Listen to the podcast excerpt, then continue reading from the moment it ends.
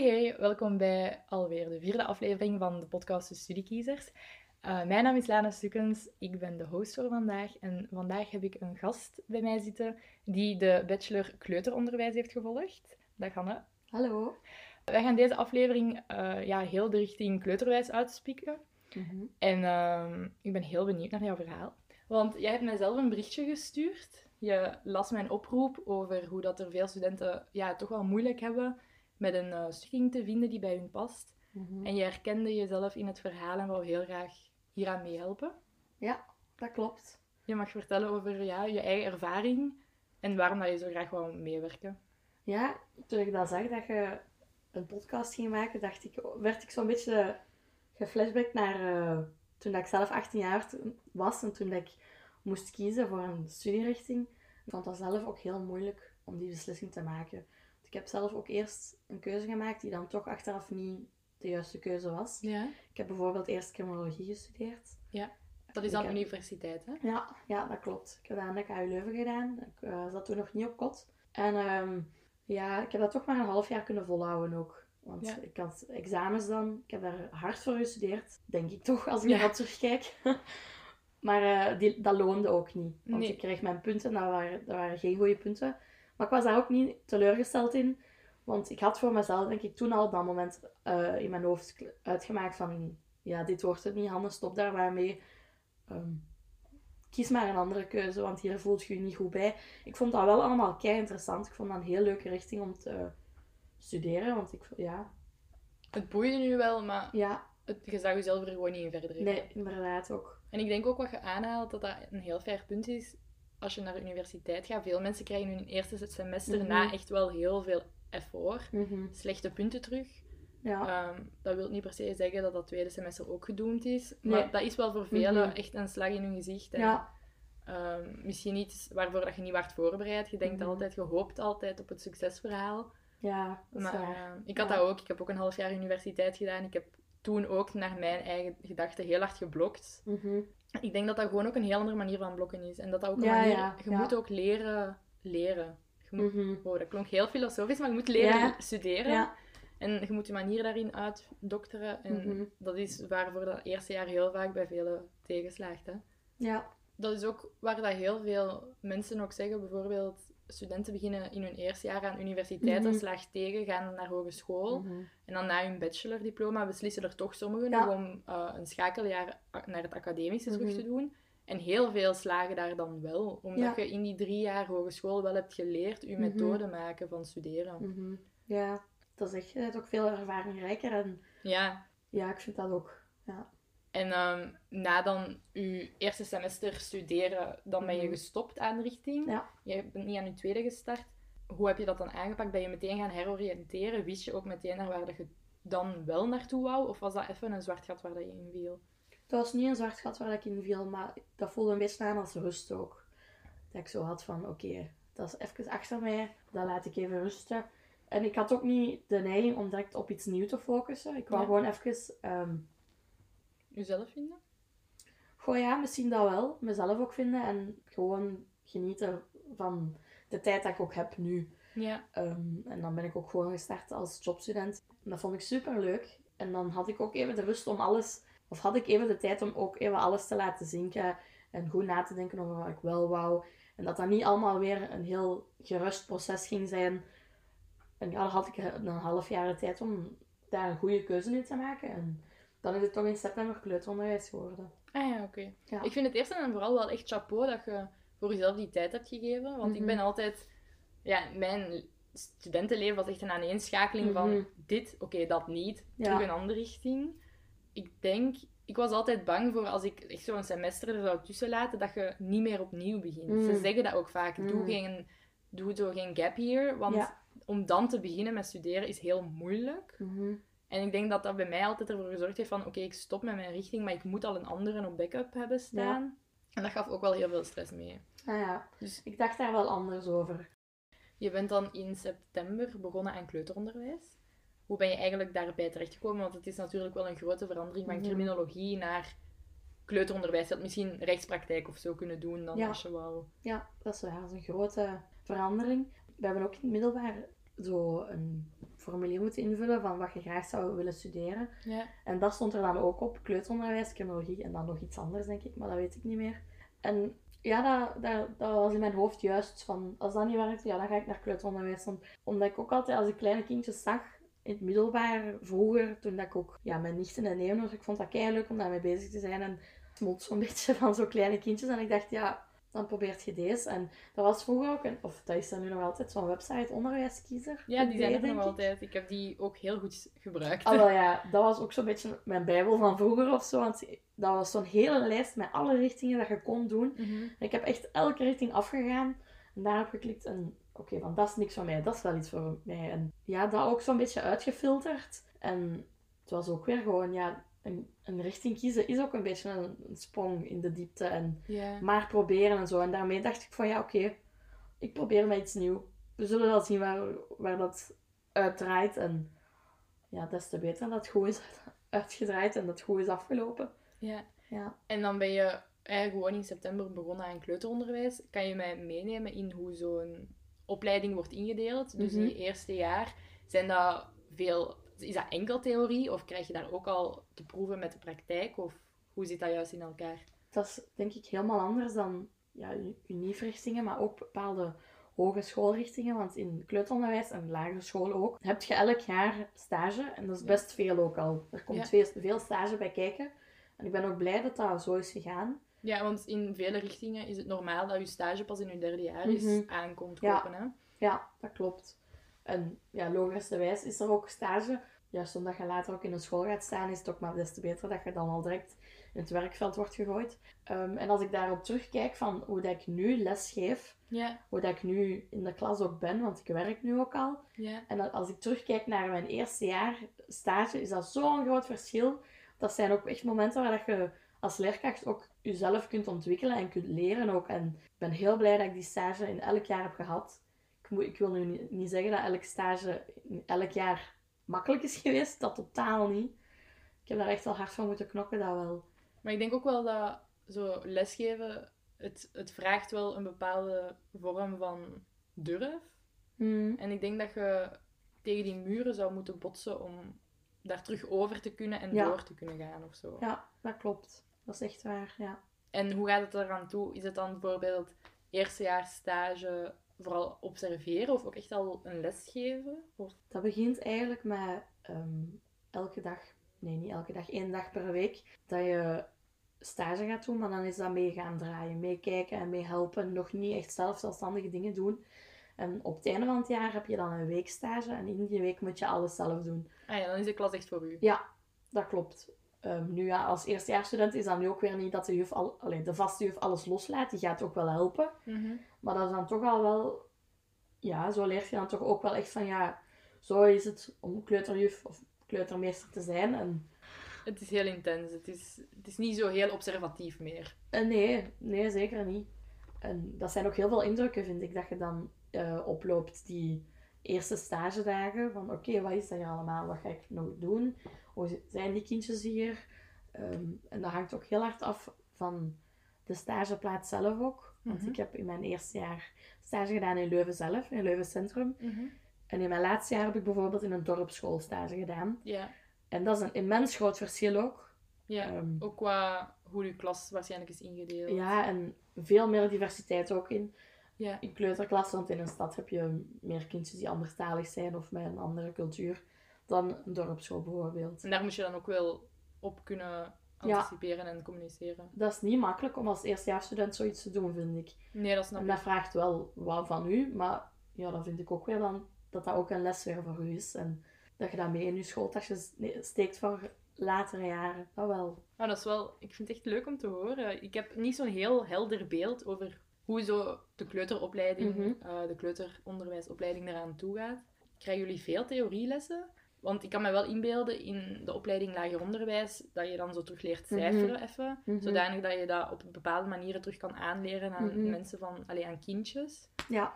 In mijn eerste jaar hebben we wel zo meer theorielessen gehad. Bijvoorbeeld taal was een vak voor ons. Ja, Om bijvoorbeeld de taalontwikkeling bij kleuters te stimuleren. Hoe doe je dat? En verhaaltjes lezen en zo. Dat klinkt kei banaal, maar daar komen toch nee, Belangrijke ja, een kind dingen- leert daar veel Ja, inderdaad. En hoe dat je dat als juf zelf het beste doet om een verhaal te kunnen lezen met die kindjes. En hoe dat je ervoor zorgt dat die kindjes dat ook kunnen begrijpen, wat je allemaal vertelt. Als je een boekje voorleest bijvoorbeeld. En ehm, wanneer je dan bijvoorbeeld gaat kijken naar dat eerste jaar, is het dat zo'n beetje van theorievakken dat jullie krijgen? Of krijgen jullie nog andere dingen daarbij? Of... Nee, het zijn meer theorievakken zoals wiskunde, Nederlands. Ja, taal heet dat dan bij ons. Ehm, wereldoriëntatie en beweging komt er dan ook allemaal bij kijken. Maar dan is dat op een kleinschaliger niveau ja. dan in de lagere school. Wij hebben bijvoorbeeld lessen waar dat wij echt moeten zingen samen en piano moeten spelen. Dat is dan een vak muziek. Of zoals ik daarnet zei, bij, een vak, bij het vak taal is het dan over verhaaltjes lezen en de taalontwikkeling bij kleuters. Dus het is allemaal een beetje op een niveau om het eigenlijk aan jongere kinderen aangeleerd te krijgen. Vooral kijken uit de ogen van een kleuter, wat een kleuter kan en niet kan en hoe dat hij verder gaat evolueren, bijvoorbeeld. Ja. En hoe evalueert de opleiding dan naar het tweede jaar toe? Zijn het dan nog steeds diezelfde vakken die herhaald worden, maar dan misschien op een hoger niveau? Of... Nee, eigenlijk niet. In het tweede jaar heb je die vakken eigenlijk niet meer. Mhm. Maar ehm, dan komt er meer opvoedkunde bijvoorbeeld bij kijken. Ja. We hebben een vak opvoedkunde en daar gaat het dan over, over hoe dat een kindje groeit van 0 tot 5 jaar. Ja. Wat, de prikkels, wat, wat voor prikkels dat hij krijgt, de thuisomgeving, Um, Zodat je ook leert opsporen eigenlijk wanneer dat er iets niet volgens ontwikkelingsplan zou lopen. Bijvoorbeeld. Of hoe dat je kan handelen als een kind bijvoorbeeld zo reageert op een bepaalde situatie dat je denkt van oké, dit gebeurt er nu, ik heb dat gezien in de les, wat moeten we nu doen? Ja. Maar dat klinkt heel abstract. nee, maar ik begrijp het wel. Als bijvoorbeeld een kindje zo heel erg begint te wenen omdat een speelgoedje wordt afgenomen of zo. Mhm. Ja, inderdaad, zo bijvoorbeeld. Ehm, we hebben ook het vak diversiteit ook in het tweede jaar. Dan wordt er ook meer gekeken naar... Verschillende culturen? Ja, inderdaad. Ook meer verschillende culturen. En ook ehm, wat voor schoolcontexten dat er zijn. Bijvoorbeeld een stadsschool of een dorpsschool. Dat zijn twee immens grote verschillen. Want in een stadsschool heb je meer kindjes met meer diversiteit. Meer culturen. En hoe dat je daarmee kan omgaan. En ehm, hoe dat je die daar ook kunt bij betrekken.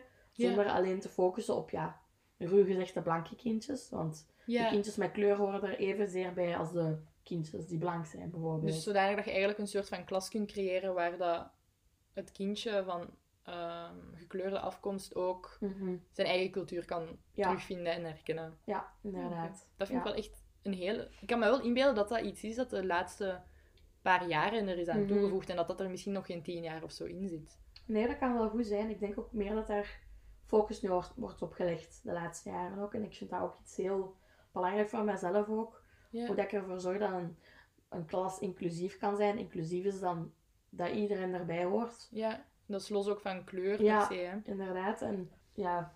Nee, maar dat vind ik echt... Ja, dat vind ik een fijne evaluatie. Ik zie dat ook in mijn eigen richting. Wij, hmm. wij krijgen ook nu bijvoorbeeld uh, inclusiviteit, maar dan gaat dat dan over mediatrends en ah, campagnes, omdat je daar toch ook nog heel vaak mhm. ziet dat zo merken daar wel willen aan mee inhaken. Mhm maar die de uitvoering dan niet juist doen.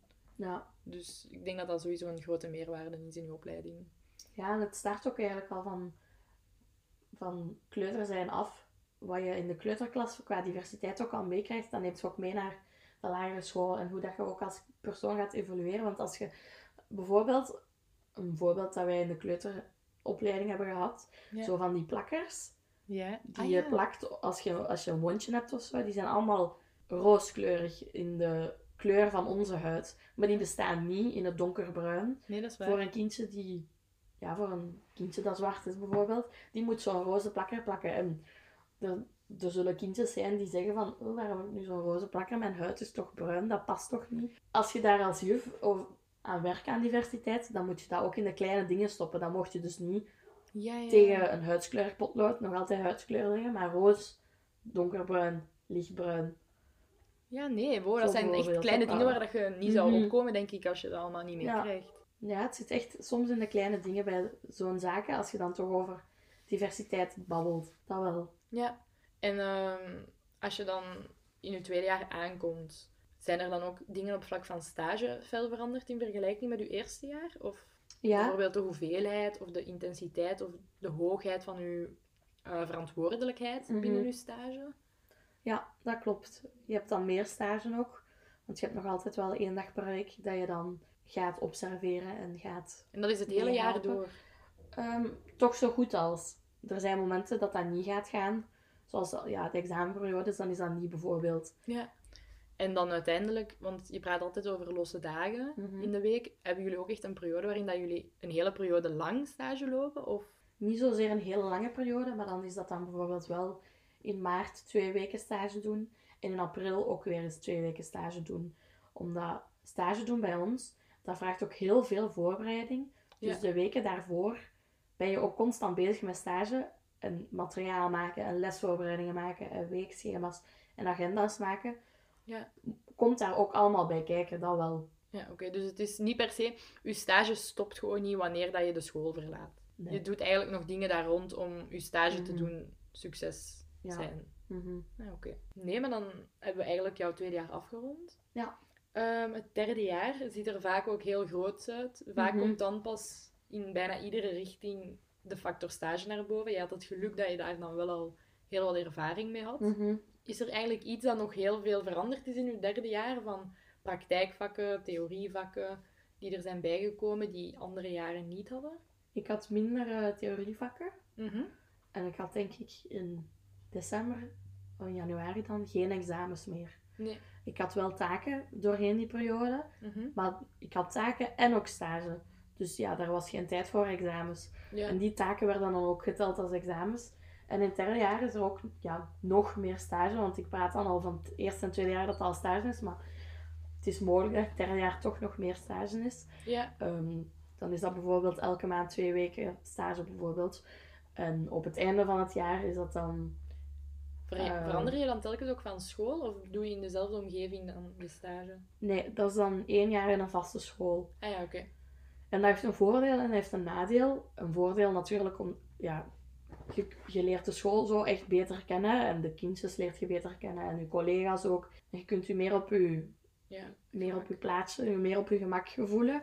Maar ik zat niet op de juiste school daar. Ik voelde mij daar heel onzeker ook. En ja, die laatste stage in die school heb ik wel heel veel geleerd natuurlijk.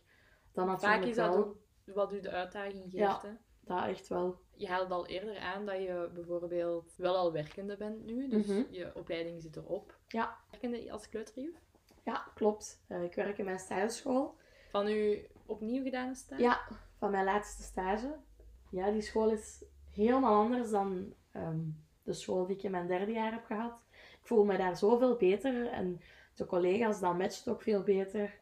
En dat zorgt er dus ook voor dat ik veel beter en sterker in mijn schoenen sta en dat ik ook durf fouten maken. Ja. Waardoor dat ik ook weer terug groei. Ja. Ja, dat is een, Het blijft werken zo. ja, dat is een cirkel die blijft rondgaan een beetje. Hè. En ehm, nu dat je zelf ook al werkende bent als kleuterjuf, is het echt de realiteit hoe dat je het hebt geleerd op school? Valt het goed te vergelijken? Ja, eigenlijk wel. Is het valt wat je wel... ervan verwacht had? Ja, juist omdat ik heel veel stage heb gehad, weet ik ook van ja, dit is het werkveld. Ik, ik vind nu wel dat er ook een last van mijn schouder valt, omdat er nu niemand is die terug op mijn vingers kijkt of Ja. die mij kan verbeteren of zo. Dat valt weg. En ook de grote voorbereidingen rond stages, dat valt ook weer weg. Omdat ja, je moet wel voor de school waar je nu werkt ook wel documenten voor maken om te kunnen aantonen van dit ga ik doen deze week. Ja. Maar dat is, dat is niet zo uitgebreid als dat je dat voor de UCLL moet doen bijvoorbeeld. ja. Omdat daar heel veel papierwerk bij, komt moet, bij komt. En je vaak misschien ook nog moet verantwoorden van waarom en Ja. terugkoppelen naar theorie Mhm. en zo. Ja, en dat valt dan weer weg. En ja, dat is ook, ik kan meer een beetje mezelf zijn. Ja. Ook omdat ik alleen sta in een klas. En dat geeft ook meer ruimte. En kan je, dat, ik vraag je dat nu heel on the spot, maar kan je in één zin of zo zeggen, kleuterjuf is voor jou? Inclusief werken. ehm, waarbij ik kindjes voldoende knuffel. Dat is een Ja. leuke. Dat is, Je eh, bent de knuffeljuf. Ja, dat is een gekke zin, hè, maar inclusief werken wil voor mij zeggen dat ik ervoor zorg dat elk kindje erbij hoort. Dat ik ervoor zorg dat niemand tot de boot valt. En dat ik ze toch allemaal goed eh fysiek contact geef ook. Dat ik ze een knuffel geef, dat ik op ooghoogte bij hun kom. Dat ik lach als ik blij ben, maar dat ik ook kan tonen als wanneer dat ik niet blij ben. Als juf, ik vind dat heel belangrijk dat die, dat de kindjes ook veilig voelen bij mij. Dat Ja. wel, Dat is echt een leuke. ja. En is er zo een advies dat je jezelf zou geven als je 18 jaar zou zijn? Dus met de kennis dat je nu hebt opgedaan. Ja, de keuze om verder te studeren is heel groot. Maar die keuze kan je ook opnieuw maken. Het is niet één keuze die je op moet maken. Voor de rest van je leven. Als het fout zit, dan kun je nog altijd veranderen, vind ik. Maar dat vind ik echt heel mooi gezegd. Ja. Ik had dat advies aan mij ook mogen geven toen ik Ja. 18 was. Zo, super. Dankjewel, Hanne. Ik denk dat we zo goed als alles hebben over... Allee, dat we zo goed als alles hebben besproken Mhm. wat de richting inhoudt. Ja. Ik denk dat je sowieso een enorme hulp bent geweest voor wie dat ook zoekende is. En even onzeker is over zich te moeten heroriënteren. Of het even niet weet welke richting dat er Mhm. eh, voor hun past. Maar ja, super erg bedankt om langs te komen. Ja, was heel graag gedaan. Vond het heel leuk. Zo, dit was alweer de vierde aflevering van de podcast De Studiekiezers. En onthoud, als jullie vragen hebben over studierichtingen of als jullie een studierichting graag aan bod zien komen, dan mag je mij zeker contacteren via Instagram. Je vindt ons onder De Studiekiezers. Ciao!